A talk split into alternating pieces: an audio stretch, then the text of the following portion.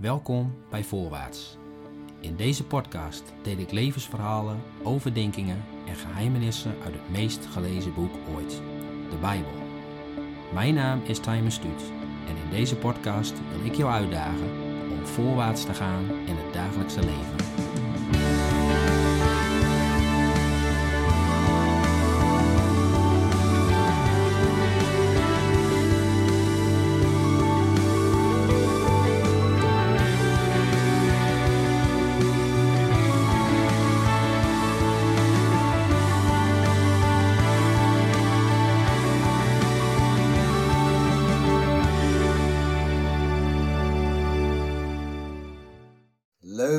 Dat je weer luistert naar Voorwaarts. En opnieuw mag ik hier tegenover mij hebben. Nou, natuurlijk niet helemaal tegenover mij, want ze zit weer ver weg. Maar Margriet is er opnieuw. En ehm, in de vorige keer hebben we geluisterd naar haar verhaal. Hoe ze in Israël is terechtgekomen. En hoe ze daar eigenlijk de eerste jaren hebben geleefd. Ehm, maar we weten allemaal wat er eh, 7 oktober gebeurd is in Israël. En eh, ja, we hebben gedacht dat het goed is om, eh, om daar toch eens even ja, wat op in te zoomen vanuit iemand die ook daadwerkelijk in Israël woont. En die ook dingen met ons kan delen die wij hier vanuit Nederland ja, op een andere manier krijgen voorgespiegeld. Of die wij überhaupt helemaal niet zomaar te weten kunnen komen. Ehm Margriet, welkom. Ja, dankjewel. Als het goed is zonder echo hè, deze keer. We hebben er alles aan gedaan om de echo eh, ver bij ons vandaan te houden. Dus Ja, toch? Ja, laat ik, ik voor de duidelijkheid ook zeggen is. dat dat, dat, niet, eh, dat dat niet aan jou heeft eh, gelegen. Maar we hebben alle voorbereidingen getroffen. En we zeiden al even elkaar, ja, jammer, maar hier leren we ook weer van. En hopelijk dit keer gewoon zonder geluids- en techniekproblemen. Ehm, welkom Margriet. Ehm, we gaan inzoomen op een, eh, ja, op een dag die toch ook wel eh, ja, jouw leven een klein stukje op de kop heeft gezet, denk ik. Daar, eh, in al die jaren, heb je het niet zo heftig meegemaakt. Ehm, waar was jij op dat moment? Het was natuurlijk op Shabbat, dus hè, dat is de zaterdag, dat is de rustdag in Israël. Ehm, dus het was ochtends vroeg en wij werden echt wakker met het luchtalarm. Mhm. Ehm, en het luchtalarm gaat af hier wanneer er raketten zijn eh, in, in je eigen omgeving. Nou ja, vaak hè, worden er wel raketten afgeschoten op Israël, maar nou, niet met regelmaat in de omgeving van Jeruzalem, waar wij wonen. Dus dat was echt al wel een tijdje geleden dat wij het luchtalarm hadden gehoord. Ehm, dus nou ja, dan schrik je natuurlijk op uit je bed. En helemaal als dat op zaterdagochtend vroeg is. Dat is echt zo'n, helemaal waar wij wonen, is dat zo'n hele vredige, rustige ochtend. Zonder heel veel drukte, zeg maar. En hè, geen Ja. autoverkeer nog. Of... Dus ja, dan denk je eerst van, huh, wat is er, wat is er? En dan ga je ondertussen ook op je telefoon kijken. En dan zie je dus de, het nieuws binnenstromen. Dus hup, iedereen optrommelen en allemaal rennen naar de schuilkelder. Elk huis in Israël heeft een schuilkelder. En als je huis het niet heeft, dan zit het in de buurt. Maar ons huis heeft een schuilkelder. Eh, dus wij allemaal daar naartoe. Ehm, en daar zijn we denk ik, eh, ja, weet je, er zijn allemaal regels voor. Maar goed, die heb je ook niet altijd alert. Dus dan moet je weer even alles nazoeken. Hoe zit het ook alweer? Maar goed, Ja. officieel moet je 10 minuten daar blijven, zeg maar. En ehm, ja, en dan ga je het nieuws kijken. En dan zie je dus ineens beelden van, ehm, van witte trucks. Die bij Gaza, Israël zijn binnengekomen. Volgeladen met terroristen die daar rondrennen. En dan denk je, je kan je dat gewoon niet voorstellen. Dan denk je van, hè? Is dat een film? Wat is dat? En ineens gaat het allemaal lopen. En dan denk je, dit is, dit is gewoon echt helemaal uit het niets. En die hele ochtend, ja, de rakettenregen, dat, dat, ja, dat, dat, dat, dat barstte los. En het, het luchtalarm ging constant af. Dus we zaten eigenlijk onophoudelijk de hele ochtend in de schuilkelder. Ja, Nou ja, en dan zie je dus die beelden. En dan is, wij wonen ook tegen de Westbank aan. En dan denk je, ja, nu, nu is het gewoon klaar. Nu, als, hè, als die groep vanuit Gaza, de Hamas, dit gaat doen. En ze hebben ook aanhangers in de Westbank. Ja, Mhm. dan denk je, da- daar is niemand tegen bestand. Als de gekte daar nu losbreekt en zij ruiken hun kans. Ja, het is hier één hek. Er zit echt één hek waar wij wonen. Tussen ons en de Westbank en al die Palestijnse dorpen. Ja, en dat is gewoon. waar- Hè, want het, dat, het enige wat je ziet is, zijn die trucks met die terroristen.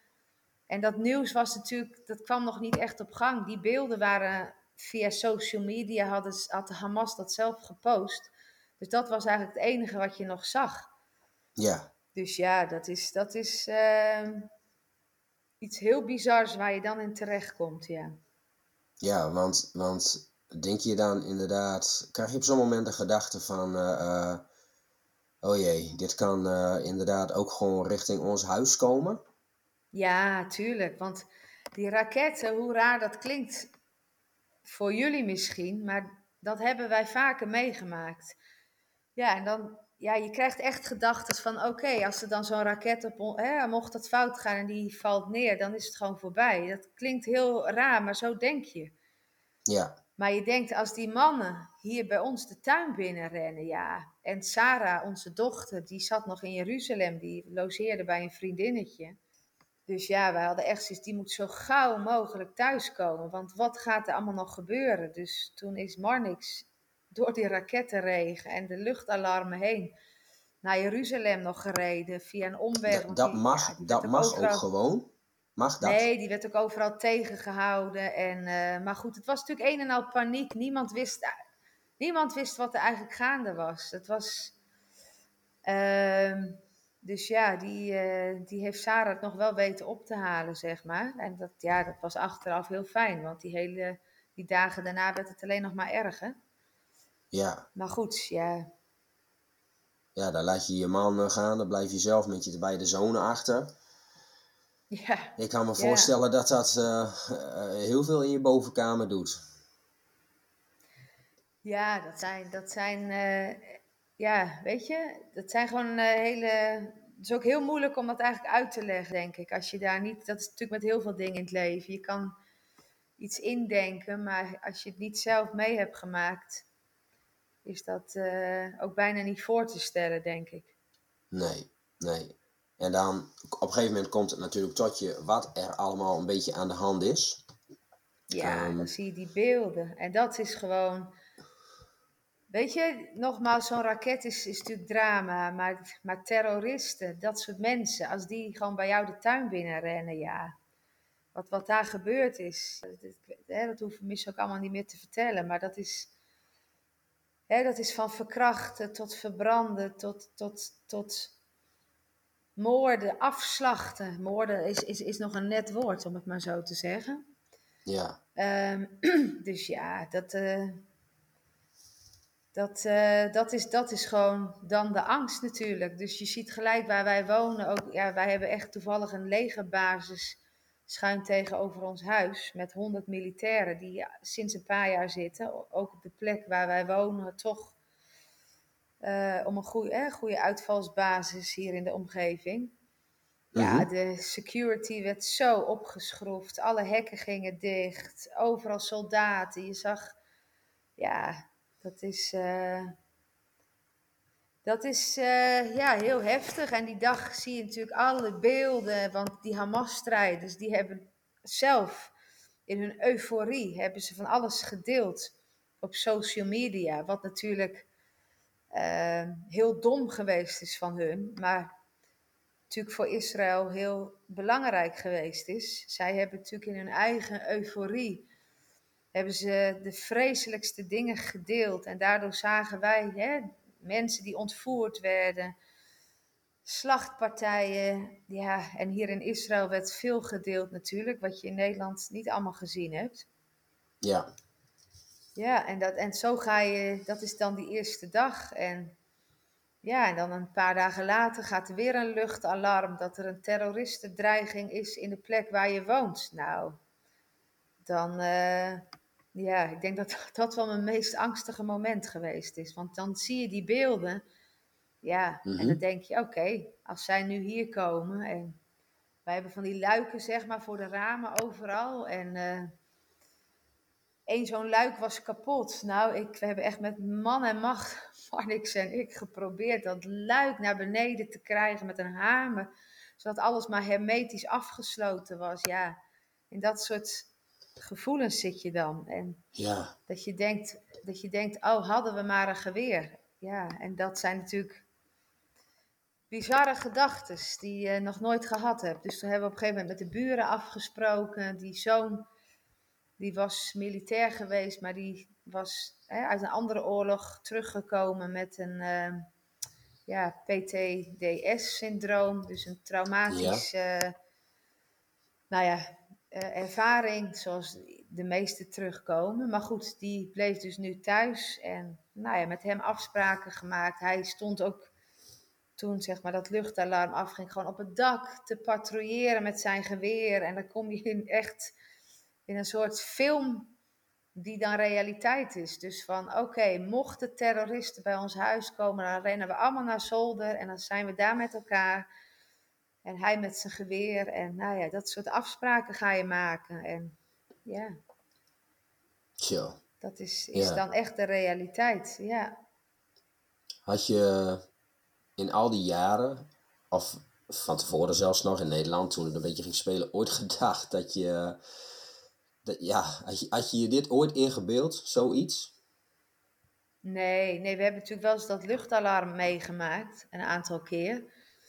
Eh, dus dat kenden we wel, maar niet in combinatie met dit natuurlijk. Dit is, Nee. Voor heel Israël is dit de eerste keer, dus dit heeft niemand in Israël zo meegemaakt. Nee, nee, maar ook niet Nee. dat het wel eens door je gedachten heeft gespeeld van ja, zoiets zou maar zo kunnen gebeuren. Nee, nee. Is nee, dat ik dan... ben nooit, eh, nooit ook bang geweest. Ik heb nooit angsten gevoeld hier, of helemaal niet. Nee, ik, ik weet nog heel goed toen Monique en ik dan zelf, eh, dat is alweer tien jaar geleden, voor het eerst in Israël waren. Jij vertelde de vorige keer ook natuurlijk overal staan eh, soldaten met, eh, hè, met mitrailleurs. Maar je, ja, je weet, het land is altijd onder dreiging, maar toch, je, ja, je voelde je er enorm veilig inderdaad. En, en ik denk niet zozeer alleen maar door die mitrailleurs, maar ook omdat je, ja, wij wandelden daar in ieder geval in het besef van ja, dit, dit is het land van God. En, en ja, dat zegt natuurlijk weer niet dat er dus niks kan gebeuren. Dat is nu wel gebleken. Ja, nou ja, goed, dat, dat, dat is natuurlijk ook. eh, hè, dat is, de Bijbel is daar natuurlijk ook niet stil over. Hè? Dat ze in profetieën ook, of geschreven, maar ook gewoon in de psalmen. Van ehm, hè, in Psalm 83 dat de volken een listige aanslag eh, beraadslagen. Ja, En waarin staat, komt laten wij hen als volk verdelgen, zodat aan de naam van Israël niet meer wordt eh, gedacht. Nou ja. Ja. het zijn natuurlijk bizarre teksten, maar dit, dit staat hè, in de Bijbel beschreven. En het is, naast dit staan natuurlijk ook weer heel veel beloftes, waardoor je weer rust mag ervaren. Maar goed, we weten wel dat die haat er is. En dat ja zo, de haters er alles aan doen om Israël en het Joodse volk te willen verdelgen. Eh, Ja, dus dat weet je wel, maar goed. ja, zo, ja, zo'n duizend jaar oude, duizenden jaren oude tekst wordt dan ineens wel heel actueel. Ja, maar goed. Maar En dan is het dus de kunst, of de kunst, eh, dat is niet de kunst, dat is de belofte en dat is ook wat je staande houdt. Dat je gelijk hè, ook die beloftes eh, mag lezen uit de Bijbel. Ehm, nou ja, bijvoorbeeld uit Ezekiel, dat, eh, hè, waarin God ook zegt eh, dat hij dus hè, met zijn volk is ehm, in alle tijden. Ehm, dus Weet je, dat is, dat is ook gelijk hetgeen wat je daar ook weer vasthoudt. ja, ja, hij heeft zijn volk niet en nooit niet losgelaten. Nee, Ook al lijkt dat er misschien soms wel op voor, misschien wel voor de buitenwereld, misschien soms ook wel eh, hè, voor, voor het Joodse volk zelf. Als je kijkt natuurlijk wat er eh, in de Holocaust gebeurd is. Eh, of de Shoah eigenlijk beter gezegd. Maar Ehm, ja, en, en dan gebeurt zoiets, even terug weer naar die gebeurtenis, ehm, waarbij ja, in de eerste plaats denk ik vooral de bevolking zelf denkt van ja, hoe in de vrede heeft dit kunnen gebeuren? Um, ja, wat, wat, wat komt daarin bij jullie dan als eerste binnen? Hoe bedoel je, wat bij ons binnenkomt? Nou, in je gedachten dat je denkt van ja, hè, hoe, hoe, denk je dan toch van eh, ja, weet je, de, waar, waar, waar, mensen werken worden fouten gemaakt? Of, of ja, wat, wat, wat doet dat? Ehm, ja, wat doet dat? Zo, zo denk je niet gelijk. Je denkt eerst gewoon alleen maar van wat is er gaande? En arme mensen, wat, wat gebeurt er? En de verhalen komen binnen. Het is in die zin maar zo'n klein land. Dus je hoort gelijk al uit, uit je eigen omgeving mensen die gebeld worden, die gelijk naar Gaza toe moeten om, als reservist. Mensen die daar familie hebben wonen. Ehm, dus dat is, als je hierin zit, is dat het eerste waar je mee bezig bent. En dan later kun je gaan denken van hoe heeft dit kunnen gebeuren. Maar ik, en dan kom ik van buiten Israël, hoor je dan alweer, uh, nou bijna na één dag van dat soort vage theorieën, dat Israël dit zelf heeft bedacht en dat Israël dit zelf heeft uh, hè, gewild. Nou ja, ik wil daar uh, helemaal, helemaal niks mee te maken hebben met dit soort theorieën. En daar hou ik me heel ver van. Ik zie hoe Israël het leven dient en de waarde heeft ziet van het leven en alles doet voor elke gegijzelde en daar zelfs weer levens voor opoffert. Dus nee, dat. Uh, dus hoe en wat er gebeurd is. En het was Shabbat, het was daarnaast ook een feestdag. Er waren soldaten die die grens in de gaten hielden. Er was een feest in de buurt. Er zijn wat soldaten die vrij af hebben gekregen. Zeg het maar, dat zal allemaal, als dit achter de rug is, Israël kennende. Ja, Israël is een democratie, dus er zijn genoeg groepen die op, nu al op gaan staan of straks opstaan dat dit uitgezocht moet worden. En dat, dat zal zeker gebeuren, maar uh, ik heb daar verder, uh, ik zie het alleen als een, als, een, als een grote daad van haat, diepe satanische haat tegen de God van Israël en tegen het Joodse volk. Ja, ja. En waarbij je dan zelfs uit uh, Psalm 83 uh, kan halen dat dit soort dingen blijkbaar ook uh, ja, moeten gebeuren. Helaas. Ja, ja. Nou ja, goed. En uh, dat. Hè, en, maar goed, om de verlossing van de aarde uh, te laten gebeuren. En dat. Hè, de, de Heer Jezus is natuurlijk gekomen uit het Joodse volk. Uh, ja. Maar goed, God zegt ook in, uh, in Jezaja van uh, hè, Israël wordt door de Here verlost. Een eeuwige verlossing. Ja. Nou ja, dit is natuurlijk zo'n grote belofte. Ehm, dus uiteindelijk is dat natuurlijk ook wat het volk hier op de been houdt. En u zult niet beschaamd en niet te schande worden. Voor eeuwig niet, nooit. Dus wat er nu gebeurt, maar voor de eeuwigheid zo'n belofte voor het volk Israël. Dat, ja, en ik denk daarom ook hè, dat ze zo sterk zijn. En ja, ik, ik, heb, ik denk bijna dagelijks, als dit in Nederland was gebeurd, wat hier gebeurt. Nou, ik uh, denk dat iedereen nog op de grond zat te kruipen van ellende, serieus. Uh, ja.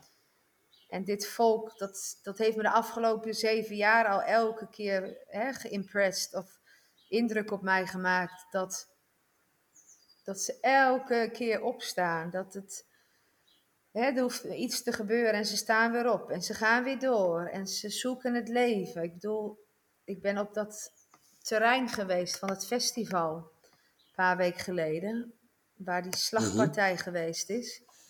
Nou, zo indrukwekkend. Dat, uh, je ziet, hè, ze hebben allemaal foto's van de slachtoffers neergezet. En ze hebben voor alle slachtoffers, nou ja, nog, dat toen nog geen drie maand later alweer een boom geplant. Een boom, hè, een boom van trouw en van eeuwigheid en van leven.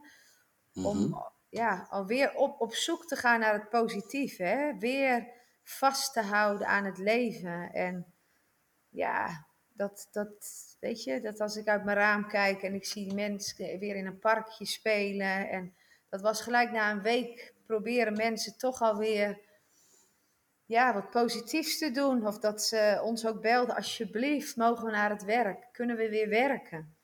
Ja. Mensen willen bezig zijn en het gevoel hebben van, ja, en dat, dat is wat, wat, wat dit land groot heeft gemaakt. En dat, en dat is natuurlijk de hele geschiedenis door. En daarin zie je zo dat de God van Israël aan hun zijde staat. Nou, dat, dat was eigenlijk mijn menselijk Is, is dat niet, is, menselijk is daar natuurlijk niet uit te kruipen waar zij doorheen moeten. Nee, dat, dat was eigenlijk dan mijn vraag. Want, want ja, hoe, hoe, hoe verklaar je dit, zeg maar? Hoe, hoe, hoe kan dit? Als je, uh, ja, kan je dan niet anders dat je daar wel geestelijk naar moet kijken? Ja, ik of het Joodse volk? Wat bedoel je? Nou ja, in de eerste plaats jij, jijzelf. Hoe, ja, wat kunnen wij, wat kunnen wij, wat kunnen wij hiervan leren, van dit stukje, zeg maar, geestelijk gezien?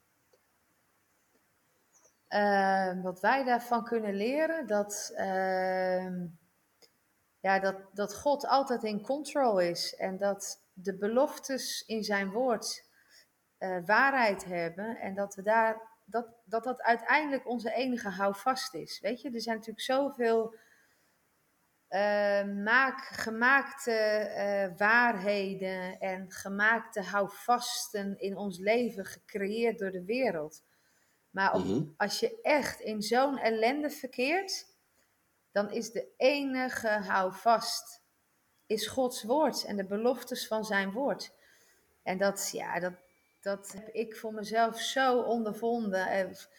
Ik weet nog hè, dat, er, eh, dat de kinderen op een gegeven moment weer naar school mochten. Hè, ook onder zware beveiliging hoor. Dat de hele school die is altijd al wel beveiligd, maar extra beveiligd. En dat zij uh, op een gegeven moment naar huis ging. En dat die dag precies in die tunnel waar zij door moest een terroristische aanslag was. Plus mhm. dat uh, het luchtalarm net afging toen zij onderweg waren. Nou, en dan, weet je, ik kan als moeder niks meer doen. Ik kan niks doen met mijn auto. Ik kan niks doen met mijn woorden. Ik kan niks doen met niks. En de enige houvast is dan echt Gods woord. Ja. En ook de kracht van, hè, omdat ik geloof heel erg door wat er gebeurt is, ook in die geestelijke strijd die er boven ons gaande is. Wat, wat niet zichtbaar is voor ons, maar oh wat zal het knetteren boven ons. Um, om daar bovenuit, nou ja, met mijn woorden wel God groot te maken. Dus op zo'n moment zet ik keihard muziek aan hè, om Gods naam te aanbidden. Um, ja, dus dat is echt in tijden van, van diepe nood, is dat echt gewoon je enige houvast. Want je, je kan verder niks. Ja. Ja. ja mooi indrukwekkend. En, en dan, dan deel je even over persoonlijk. En, en hoe kijk je daar dan naar, uh, naar, naar het Joodse volk zelf? Hoe, ja, hoe zit dat? Dat zij zich zo weten op te rapen. Zie je daarin dan ook gewoon toch echt wel ja, hun geloof? Hoe, hoe, moet, hoe moeten wij dat zien als uh, Nederlanders? Ja, absoluut. Ik denk juist ehm, wat ik heel veel om mij heen heb gehoord. Kijk, je hebt natuurlijk seculiere Joden die normaliter niet veel praktiserend met hun geloof bezig zijn, maar die, het Joodse volk houdt altijd de tradities in stand. Of ze nou mm praktiserend gelovig zijn of niet. Dus ze houden de Shabbat, ze doen bar mitzwa, de kinderen. Ook al zijn ze niet, ook al noemen ze zichzelf niet religieus, die Joodse tradities, die gaan van generatie op generatie mee. Dus dat bewustzijn van die God, ook al is er een groep die daar niet speciaal in gelooft, die blijft aanwezig. Dus mhm. ook in die groep heb ik heel veel verhalen gehoord van jonge mensen die weer de Shabbat uh, vieren, die toch weer um, gaan bidden. En in de gelovige Joodse wereld natuurlijk ook gigantisch. Dat is, dat is eh, soldaten bijvoorbeeld. Um, de meeste soldaten hebben allemaal een klein uh, boekje met de psalmen in hun borstzakje zitten. Tijdens okay. hun uh, strijd, zeg maar. Nou, dat was ook een heel mooi verhaal van een jongen die had, een jonge soldaat, die had dat psalmenboekje in zijn borstkast. En dus, dus, die is dus uh, beschoten. En die kogel, die zat dus vast in dat psalmenboekje. Dus hè, dat liet hij laten zien in een interview, dat psalmenboekje waar die kogel in vast zat. Dus dat psalmenboekje had hem echt letterlijk en figuurlijk gered. En je ziet en zag heel erg dat ze echt terugkropen ook. Ja, sommigen hè, hadden dat vaste geloof al en sommigen die echt terugkropen echt naar de belofte van de psalmen. En dat is, ja, dat zie ik bijvoorbeeld ook op Instagram van mensen, Joodse mensen die niet per se religieus waren, maar die toch die psalmen als hun gebeden, hè, dat zijn hun gebeden. Ja. En hè, voor bescherming van de soldaten. En ja, dat is, dat, dat is ik, ik denk, dat is overduidelijk. Dat houdt hun op de benen. Dat zie je en dat voel je. En zij voelen, de, zij voelen ook echt God aan hun zijde. Ja, mooi. Dus eigenlijk draagt deze tijd bij aan het, uh, ja, toch ook een stukje geestelijk terugbrengen van zijn volk, dichter bij hem, zeg maar. Voor, voor sommigen misschien wel. Dat, kijk, sommigen waren natuurlijk al wel geestelijk dichtbij. Voor sommigen heeft dit misschien geholpen. En dat is natuurlijk altijd in nood. Dat, dat werkt verschillend bij sommige mensen. Maar ehm, ja, dit, dit, dit is ook hun, hun enige houvast. Hè? Als je natuurlijk woont op zo'n klein stukje aarde te midden van haat. Hè? Er is gewoon na 7 oktober meerdere keren gezegd. Wat er toen gebeurd is, gaan wij net zo lang uitvoeren totdat Israël niet meer bestaat. Kijk, er wordt nu volop gesproken over een twee-staten-oplossing. Nou, de leiders van Hamas, die hebben al te kennen gegeven, daar hebben zij geen oren naar. Zij willen geen twee staten, zij willen Israël from the river to the sea, from, van het noorden tot het zuiden. Ja. Dus um, er is geen plek voor hun hier. Dat, dat gevoel wordt hun gegeven. Uh, dus ja, terwijl hun Bijbel, hè, hun God, hun dat land heeft gegeven. En dat is natuurlijk waar zij zich aan vasthouden. Hè? Aan Mozes, hun voorvader, die hun door de woestijn geleid heeft. Naar het beloofde land, hun beloofde land, waar ze na nu 75 jaar geleden terug mochten komen. En waar je ook Bijbelse ja. profetieën tot leven ziet komen. Hè? Dat, dat alle Joodse stammen vanuit de hele wereld hier terug zijn gekomen. Ja, en jij zit er middenin. Ja, zit bijzonder. Ja, heel bijzonder. Maar ook met wat je net zegt, de, de, de, hoe, ze, hoe trouw ze zijn in de traditie. Dat, dat, dat betekent daardoor denk ik ook dat eigenlijk iedere Jood wel weet dat God hun dit land beloofd heeft. Ja, want dat, dat gaat echt van generatie op generatie. En dat zie je dus zelfs bij die men, hè, Joden die zichzelf seculier noemen. Die, die, die vieren de bar mitzwa, die, die, die vieren de Joodse feesten. Dat is gewoon onderdeel van hun Joodse traditie.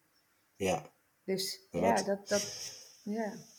En wat, wat zou je tegen een luisteraar willen zeggen? Want je noemde uh, al even in de vorige podcast, als we het hebben over uh, christelijk Nederland en het onderwerp Israël, is er nou niet bepaald een eenheid. Uh, ik lees natuurlijk ook links en rechts wat een en ander. Ehm, wat zou je willen zeggen tegen christen die zeggen van ja, dat, dat land heeft God ze ooit beloofd, maar, maar, maar ja, dat is, nu, dat is nu niet meer zo. Nou ja, ik ben geen theoloog, laten we dat uh, voorop stellen. Dus dat ben ik niet. Dus ik spreek naar wat ik heb geleerd in deze, al deze jaren en ik heb gelezen en wat ik op mijn hart heb gekregen. En ook in de theologie heb je natuurlijk verschillende uh, groepen die het verschillend uitleggen. Maar voor mij is de Bijbel een levend woord. Mm -hmm. En Gods beloftes zullen niet falen. En als God zijn beloftes heeft gegeven voor het volk Israël. En God vraagt ons om de Bijbel intact te laten van A tot Z. Hoe kunnen wij dan voor Israël, ik noem maar wat, de kerk of een ander woord in de plaats gaan zetten? Dat, ja, daar kun je ook weer heel ingewikkeld theologisch over gaan doen. Maar voor mij is dat gewoon heel simpel. Ja. En ik denk dat, dat dat bepaalde theologische uitleggingen, dat is gewoon een, een giftige bodem. Uh, En mhm. dat heeft het verleden ook, heeft het verleden natuurlijk ook bewezen. Heel veel mensen weten niet, maar de, de nazi's, die zaten ook in de kerk. Die zaten in de Lutherse kerk, waar een bepaalde leer tegen het Joodse volk verkondigd werd. Ja. Ehm, dus daarom denk ik juist dat wij als christenen heel alert moeten zijn. En ken de geschiedenis. Echt, ook over de oorlog. Ehm, over Maarten Luther, die natuurlijk heel veel goede dingen heeft gedaan. Maar die op het gebied van uh, antisemitisme en jodenvervolging... ehm, ja, een zeer slechte invloed heeft gehad. En dat is, is iets wat heel veel mensen ook gewoon niet weten. Dus ik, ik spoor ook altijd aan, ken je geschiedenis, je kerkgeschiedenis. Ja, Ja, om, om ja ik, te heb zijn. wel, eh, ik heb wel eens gezegd, eh, helaas kent niet iedere christen die geschiedenis, maar volgens mij kent elke jood die geschiedenis wel. Nou, alsjeblieft. Ehm, ja, dat maakt het voor ons wel eens iets lastiger, denk ik, om, eh, om wat positiever over te komen. Zeker als wij ons geloof eh, denken te delen, ook in, eh, in Israël. En dat heb je natuurlijk Nou ja. ook wel al meegemaakt. Ja, maar die roeping voel ik ook niet. Ik geloof heel erg, eh, en daarin volg ik ook gewoon de Bijbel. Ehm, hè, bijvoorbeeld in Jezaja staat een hele mooie tekst. Jezaja 40, vers 1. En daar staat in: Troost, troost mijn volk, zegt uw God. Mhm. Nou, ja, neem die tekst maar aan. En dan denk ik, ja, eh, hè, de geschiedenis, hè, de kerkvaders die hier met een kruis in hun hand en in de andere hand een zwaard liepen, ja, die hebben ook de Joden afgeslacht natuurlijk. Ik denk, nee, troost mijn volk. Dat is onze Ja. opdracht. Troost mijn Ja. volk. En bidden voor de vrede van Jeruzalem. Er staat er staat, hè, bid voor de vrede natuurlijk ook hè, van de wereld, maar er staat expliciet in de Bijbel, bid voor de vrede van Jeruzalem. Nou, ik heb een keer in een kerk gezeten, vroeger, en die dominee die zei dus, ja, bid voor de vrede voor Jeruzalem. Ach, die stad is zo ver weg, dus dat zal jullie niet zoveel zeggen. Dus bid in je hart, maar gewoon voor de plek waar jij nu bent. Nou, en dat was voordat ik naar Israël ging. Dus dat was helemaal nog niet dat mijn hart daar nou van overvloeide. Maar toen voelde ik al, dit klopt niet. Dit klopt Nee. niet. Wij mogen niks aan Gods woord veranderen. Dus dit is de opdracht. En daar, dat, daar, daar, hè, daar, mogen wij, eh, daar moeten wij ons aan houden. Ja, mooi, En, eh, duidelijk. Ja. Ja, heel duidelijk. En die Ehm, troost, weet je, dat kan je in heel veel dingen, juist met ons verleden als christen hier doen natuurlijk. Hè. Ik, ik heb meerdere keren de afgelopen maanden dat mensen ook naar mij toe kwamen van, Margriet, hoe kan het toch? Waarom haten mensen ons zo? Waarom dan toch? Nou ja, en dat je dan dat stukje troost mag geven van weet dat er ook christenen zijn die geloven dat jullie God onze God is en dat wij achter jullie staan en dat er mensen zijn waarvan ik wist in Nederland die voor jullie bidden en die jullie lief hebben en nou ja, dat je daarin juist dat stukje troost mag zijn. Dat, ik denk dat dat iets heel, heel waardevols en heel moois is. Ja, ja. Mooi, dankjewel. Ehm waar ik natuurlijk ook wel even aan moest denken in de voorbereiding van, eh, ja, we hebben gezegd, we hebben het nu eigenlijk over een stukje van je leven, ja, na die, eh, na die dag, waarvan we hopen dat die eh, nooit zou komen. Maar wat, wat, heeft dit veranderd in, in jullie leven nu, zeg maar? Want ja, alle, alle mannen zitten bijna eh, in de oorlog. Eh, jullie, jullie runnen daar een bedrijf. Ehm, ja, kun je daar iets over delen met de luisteraars? Ja, dus de helft van ons personeel die werd opgeroepen als reservist, dus die zijn dan gewoon weg. Plus dat er in de wereld ja, hè, een soort omdraaiing plaatsvindt en er toch eh, voorstanders, maar ook tegenstanders zijn van Israël en die een bepaalde haat ontwikkelen. Ehm, en wij acteren met ons bedrijf niet in de geestelijke wereld. Wij acteren gewoon in de harde economische, zakelijke wereld. Mhm. Dus daarin merkten wij al heel vrij snel eh, ook een stukje verharding. Of mensen die eh, ja, ons de rug toekeerden.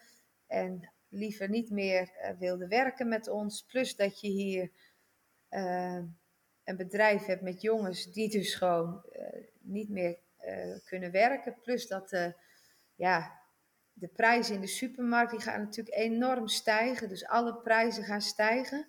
Dus je Ja. komt daarin ook in een nou ja, economische oorlog natuurlijk. Ja, precies. Dus, ehm, waarin je ook staande moet blijven. En dat Ja. is, is, is op zijn zachtst gezegd eh, eh, ja, ook gewoon een hele zware strijd.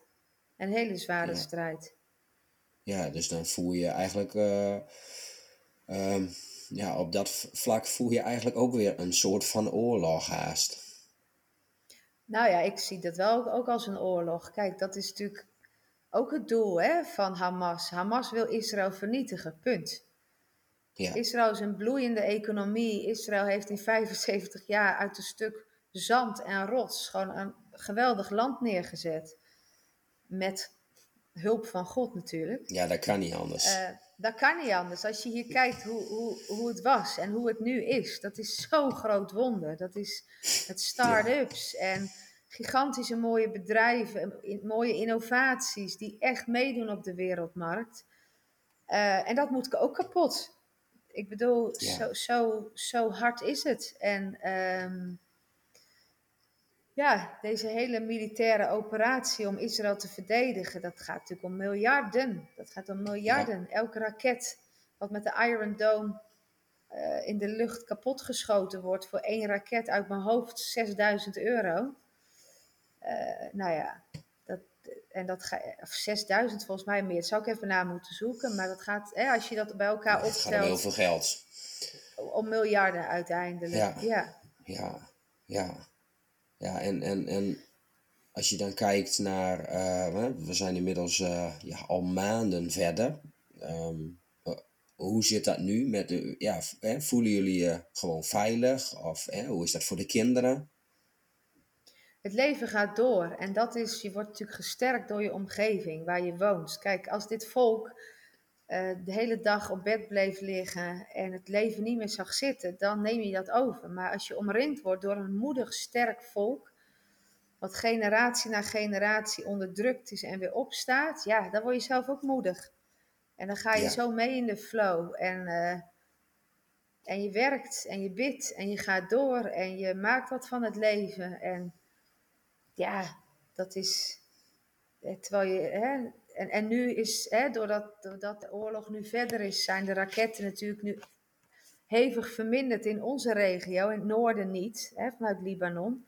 Maar in onze omgeving wel. Maar ook toen de knallen doorgingen en de vliegtuigen boven je hoofd raasden, ging je toch door met leven en werken en de kinderen weer naar school. En dus ja, je De wordt. enige, de enige manier om het vol te houden eigenlijk dus. Ja, maar je wordt enorm gesterkt hè, door, eh, door de omgeving waarin je verkeert. Kijk, en dan hebben wij nog geen familieleden in Gaza. Of, ehm, hè, dus dan elke keer denk je, joh, wat zij kunnen, ja, dan Ja, dat bedoelt eventjes- kunnen. Ja, je bedoelt even ehm gegijzelden, daar de familie van. Ja, precies. ja, ja, precies. Ja, ja, Kijk, en, ehm, maar goed, en dat is natuurlijk ook het verdrietige. De, de Holocaust survivors, die generatie, hè, die kregen kinderen, die groeiden hier op. En die waren natuurlijk nog hè, getraumatiseerd door getraumatiseerde ouders.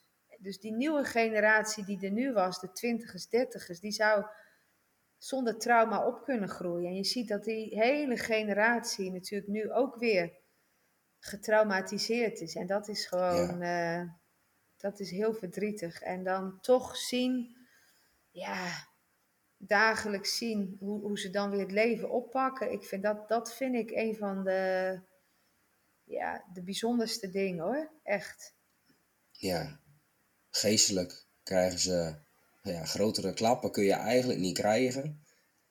En Nee, toch, nee, dat, nee, want Ja. uiteindelijk het Joodse volk, die moet hè, continu de klappen opvangen eh, van de haat tegen onze God. Hè? Want het is ook onze God. ja, het Joodse zeker. volk, die, die moet in de hele geschiedenis die klappen opvangen. En nu weer. Ja, Ja, ja, ja.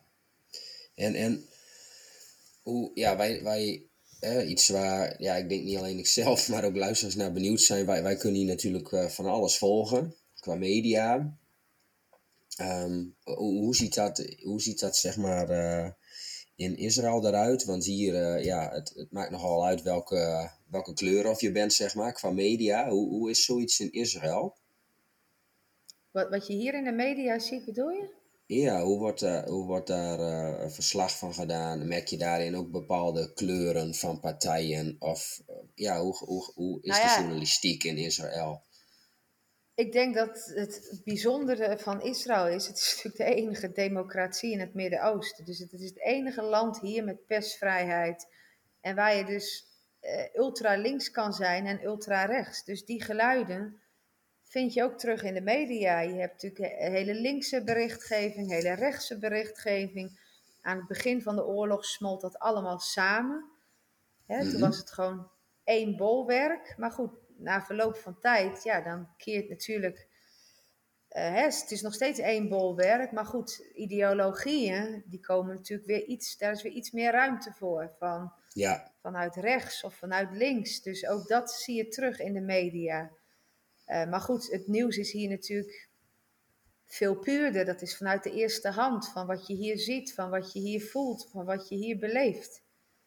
Uh, en dat is het nieuws in Nederland natuurlijk niet. Dat is, dat is van ver af. En daar zit ook weer eigen belangen of eigen gedachtegoed achter. Of ja, weet je, wat je vaak ziet. Bijvoorbeeld Israël, ik noem maar even iets zo uit de losse pols. Uh, Israël bestook Libanon, uh, vijf burgers dood.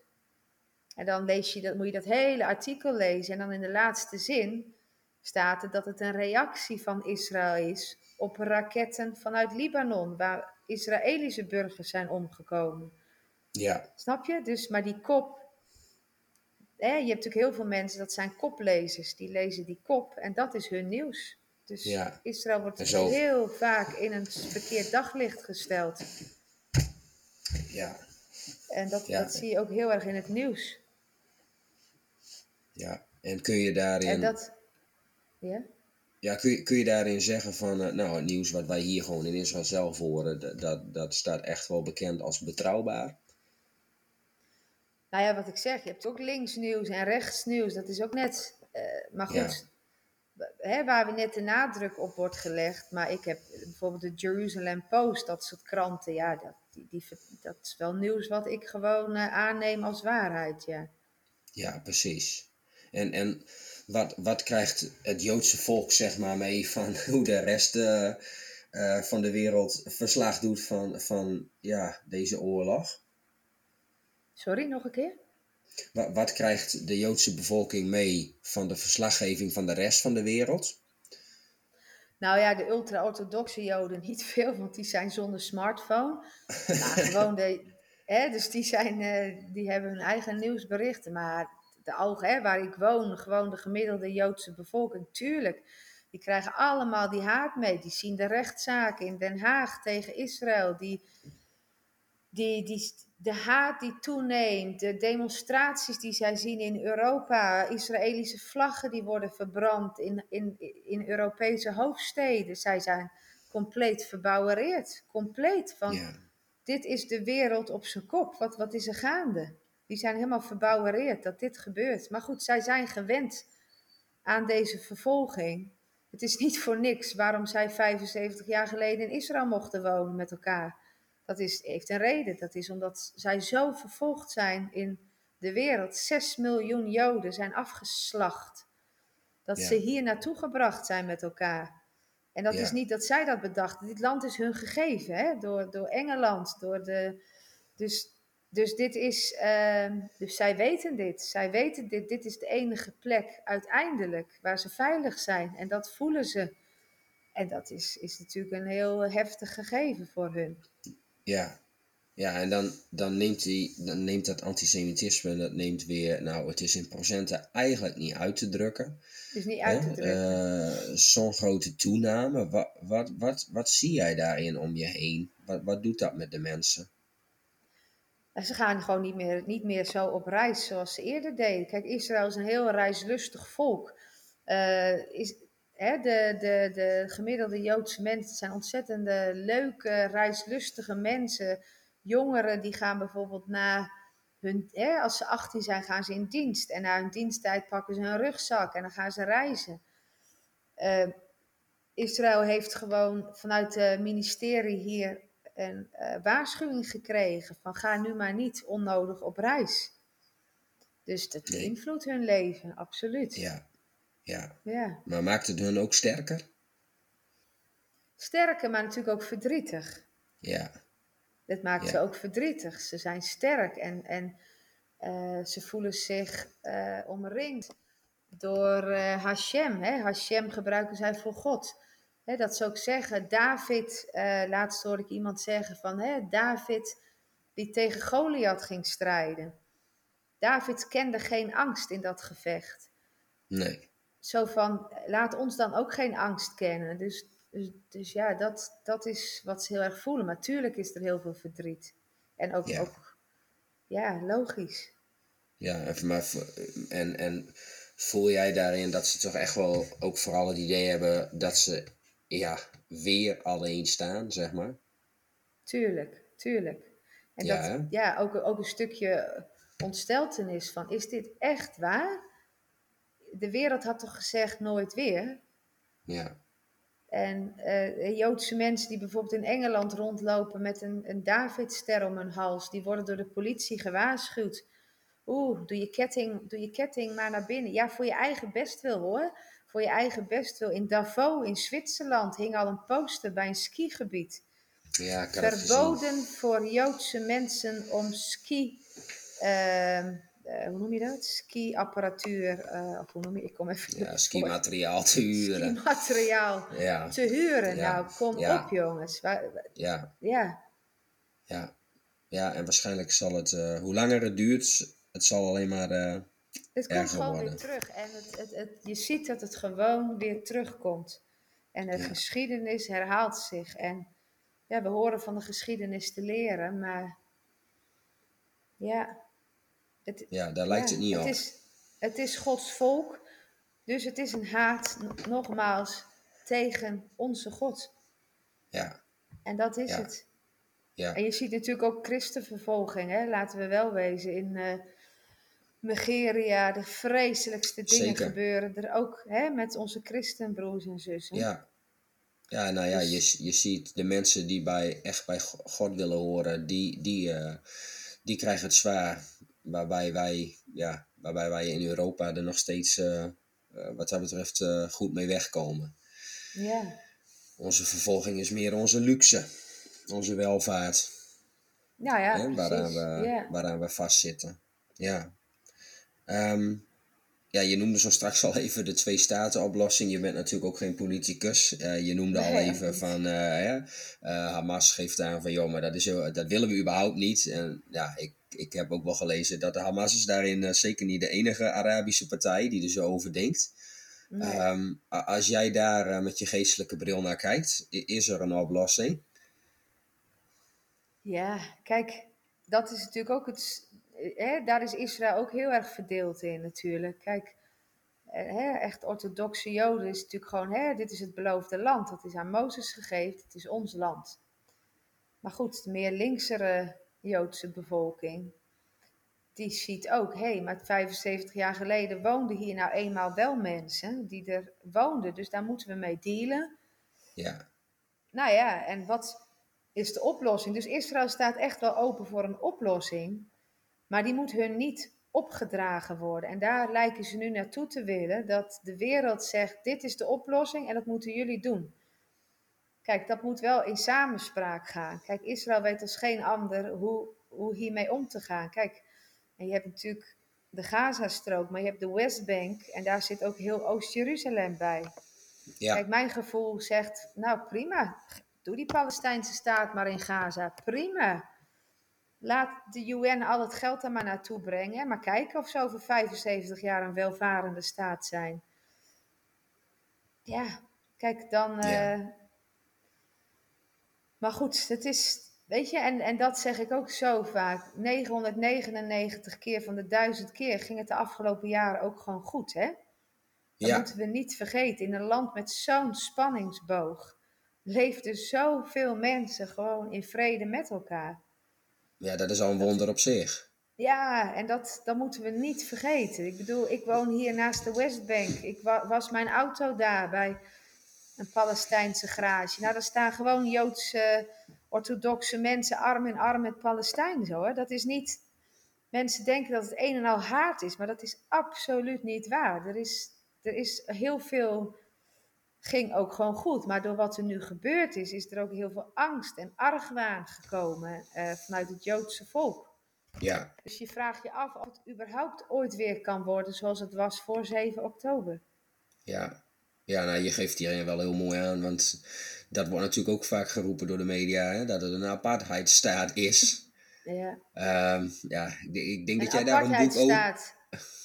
In een Ja. apartheidstaat, als Israël een apartheidstaat zou zijn, dan zou je naar het ziekenhuis gaan in Jeruzalem en dan zou alles aangegeven zijn in het Hebreeuws. Ja, toch? Ja, Precies, maar alle foldertjes, alle bordjes in bijvoorbeeld het ziekenhuis in Jeruzalem of in Haifa of in Tel Aviv is zijn in het Hebreeuws, in het Engels en in het Arabisch. Alle verkeersborden in Israël, dus ook buiten de Westbank om, dus gewoon in Israëlisch gebied. Alle verkeersborden zijn in het Arabisch, Hebreeuws en in het Engels. Nou, als Israël een apartheidstaat zou zijn, waarom, dan zouden ze die moeite niet nemen. Dan hadden ze alles gewoon in, alleen in het Hebreeuws gedaan. Dus ja. ik denk dat dit de discussie niet eens waard is. Nee. Nou, heel, heel treffend vond ik, las ik eh, volgens mij vrij aan het begin, dat juist eh, een van die gezochte leiders ooit zelf eh, heel wat jaren geleden is, volgens mij aan een tumor, hè, geopereerd is in het ziekenhuis. van Hamas. Ja, is geopereerd door een Joodse arts en Ja. ja, heeft dat Terwijl hij in overleefd. En, gevangenschap zat, hè? Terwijl hij in gevangenschap zat. Ja. ja. Dat, dat geeft ook aan hoe. En altijd gebeurde dat, hè? Vanuit de, vanuit de Gazastrook, bijvoorbeeld in die kibbutzen.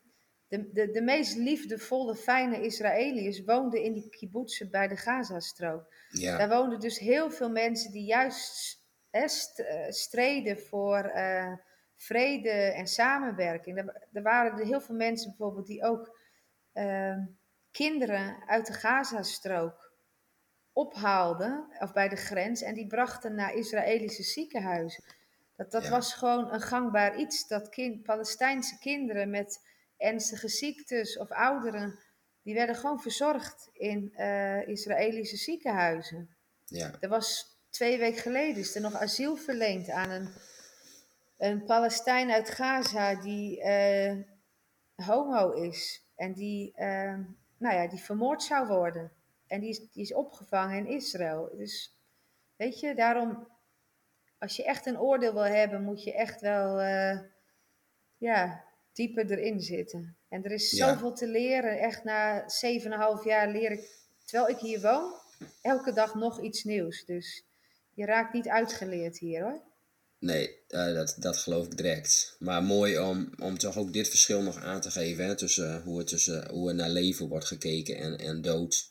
Absoluut. Ehm, ja, en ook wel waar we het net even over hadden, zo'n twee-staten-oplossing. Dan denk ik persoonlijk ook echt, wie, wie zijn wij, wie is de wereld om te zeggen hoe ze dat daar maar eventjes moeten gaan doen. Eigenlijk hebben wij Ja. daarin echt geen enkele recht van spreken. Ehm, toch nog een vraag ook, ehm, die ik ook van een luisteraar kreeg. Ehm, ja, veel, veel Joden die kennen de belofte van God.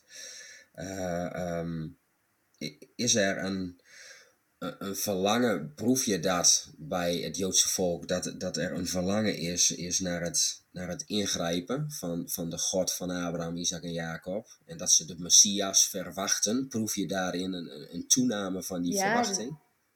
Nou, ik, hè, daar heb je natuurlijk, hè, net zoals in de christelijke wereld, heb je natuurlijk ook heel veel verschillende eh, Joodse gemeentes en gedachten, hoe zij dingen uitleggen. Hè, net als in christelijk Nederland. Dus dat is heel belangrijk om te weten dat het in het Jodendom natuurlijk precies hetzelfde is.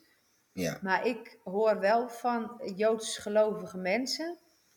eh, hè, heb ik het niet over Messiaans Joodse mensen, maar gewoon echt Joodse mensen die het Jodendom beleiden. Die Mhm. echt denken dat, dat, ze, dat we in de eindtijd leven ook. Mhm. Ja. Dus Ja. dat, dat, ja. Maar goed, zij hebben natuurlijk nog weer een geloof hè, dat de derde tempel nog moet komen. En ehm, als dat er is, eh, hè, dat dan de Messias zal komen. Maar Ja. goed, dat, dat, zij hebben wel echt dat bewustzijn. En ook, nou ja, nogmaals, de psalmen. Ik denk dat dat echt een, een, een boek is wat hun heel erg staande houdt. En waar natuurlijk ook heel veel in geschreven staat dat God aan hun zijde is, ook in oorlog. Ja, ja.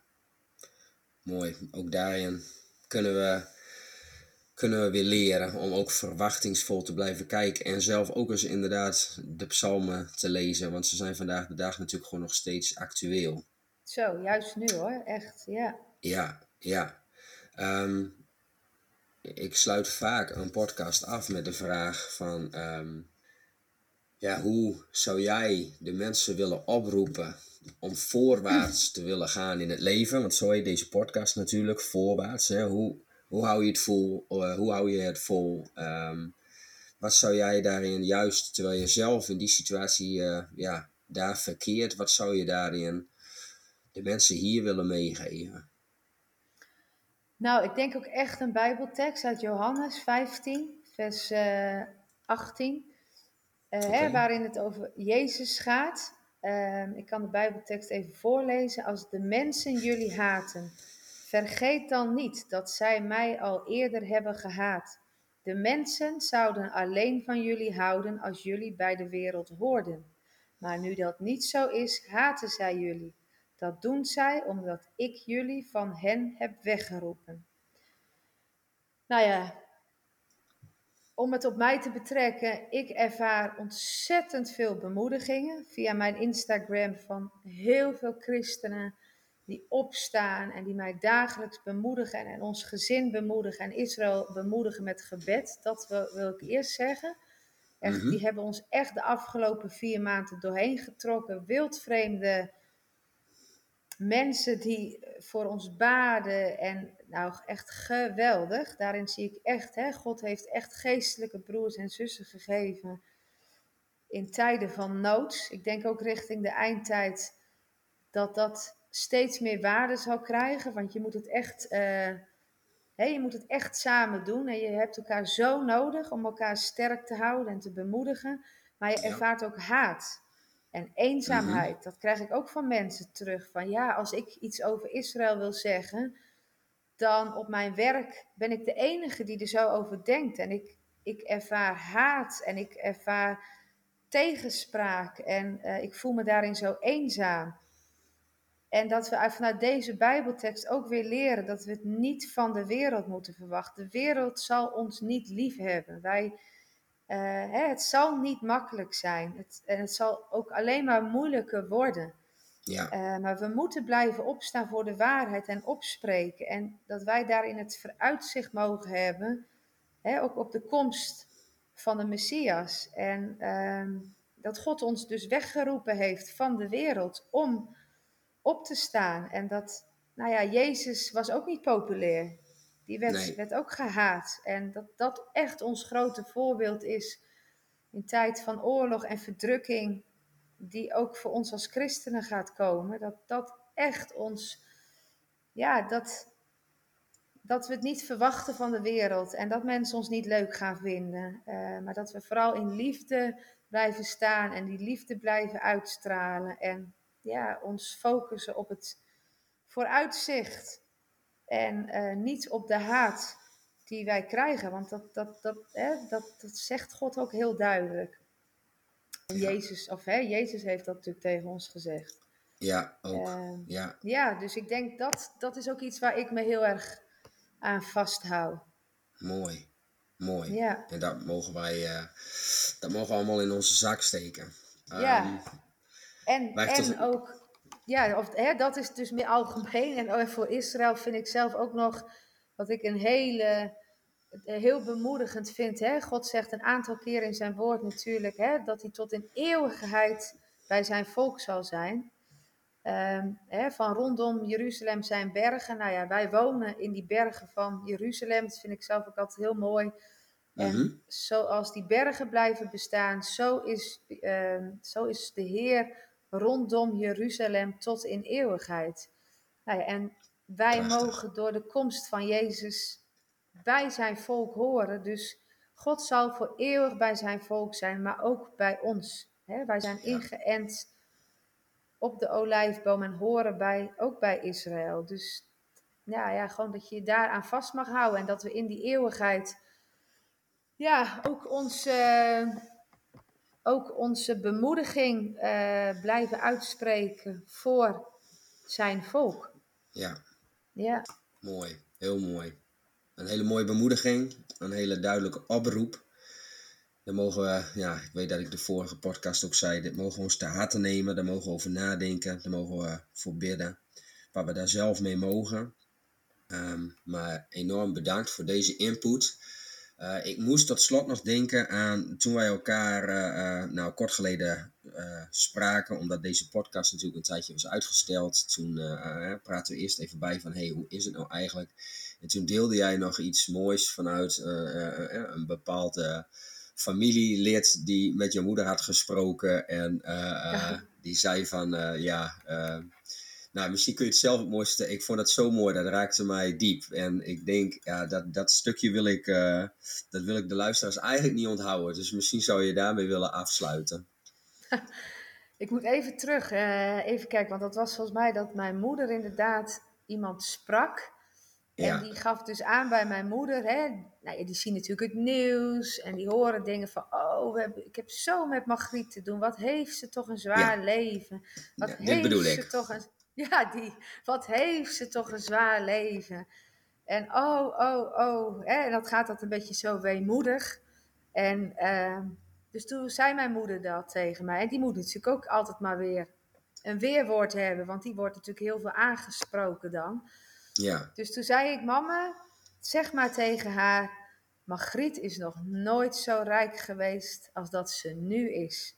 Ze is zo gezegend door het leven wat ze hier heeft gekregen en wat ze de laatste maanden heeft meegemaakt. Ze mag zo dicht bij God leven en zich zo rijk weten. Zeg dat maar, dat ze geen medelijden moet, hoeft te hebben. ja, Dus, en dat, was niet ingestudeerd. Dat is hè, wat ik echt voelde en ook hè, mijn moeder weer mee wilde bemoedigen. En ja, weet je, en ik zeg niet dat het altijd makkelijk is. Laat dat voorop staan. Het is echt niet altijd makkelijk.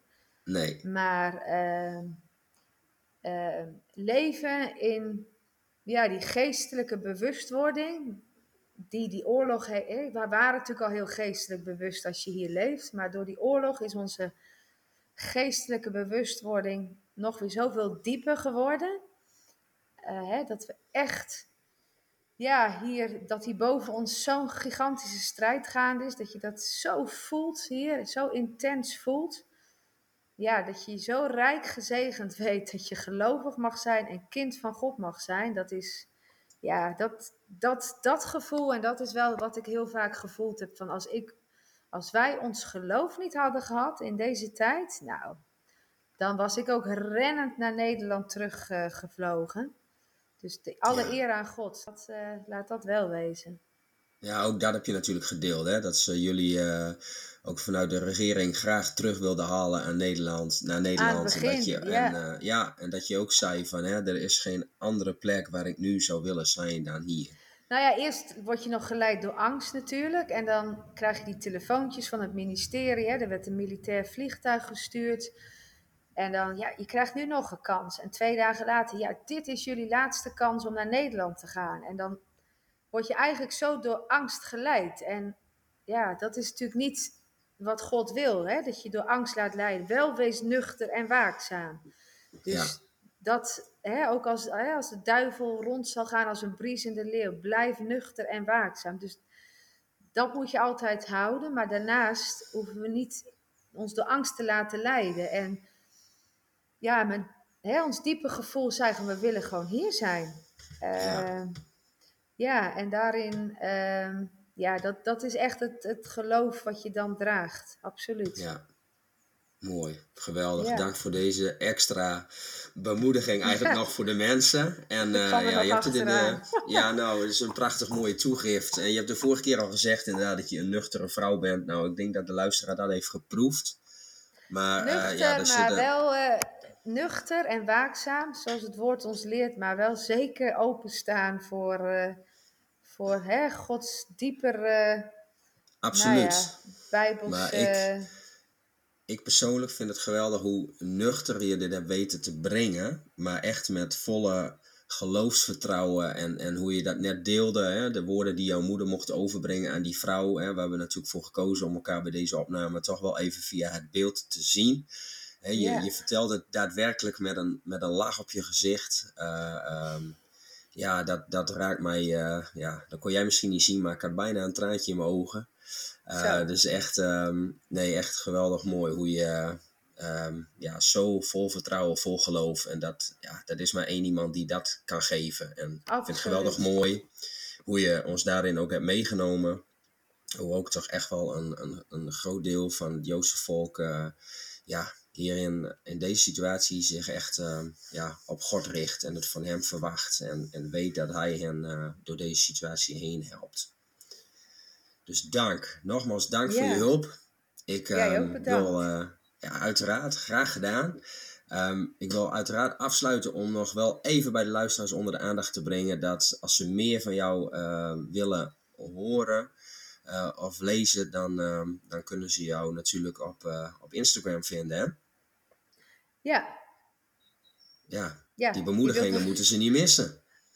Nee, nou ja, gewoon een stukje nieuws. Uh, Hè? En ik heb natuurlijk heel veel gedeeld in de afgelopen maanden. Dus als je echt eens wil zien van, joh, hoe is het nou vanaf dag 1 gegaan? Kan je in de hoogtepunten gewoon teruglezen wat ik allemaal gedeeld heb. Ook nieuws, eh, bijbelse bemoedigingen in, in, in, in de oorlog, eh, naast gebeurtenissen, naast de Bijbel gelegd. Dat soort dingen. Mooi, mooi. Apenstaartje Neshima, toch? Uh, Neshima trips. Trips, ja. Neshima is het Hebreeuwse woord voor adem. Mooi, heel mooi. Nou, we gaan het zeker eventjes ook vermelden. Nogmaals dank. En uh, ja, ik hoop dat het vele mensen bemoedigd mag hebben. Mocht je toch nog vragen hebben, dan uh, nou, kun je de gegevens altijd uh, in de beschrijving vinden. En ja, schroom niet om contact op te nemen. Margriet, bedankt en tot een volgende keer. Oké, ook bedankt.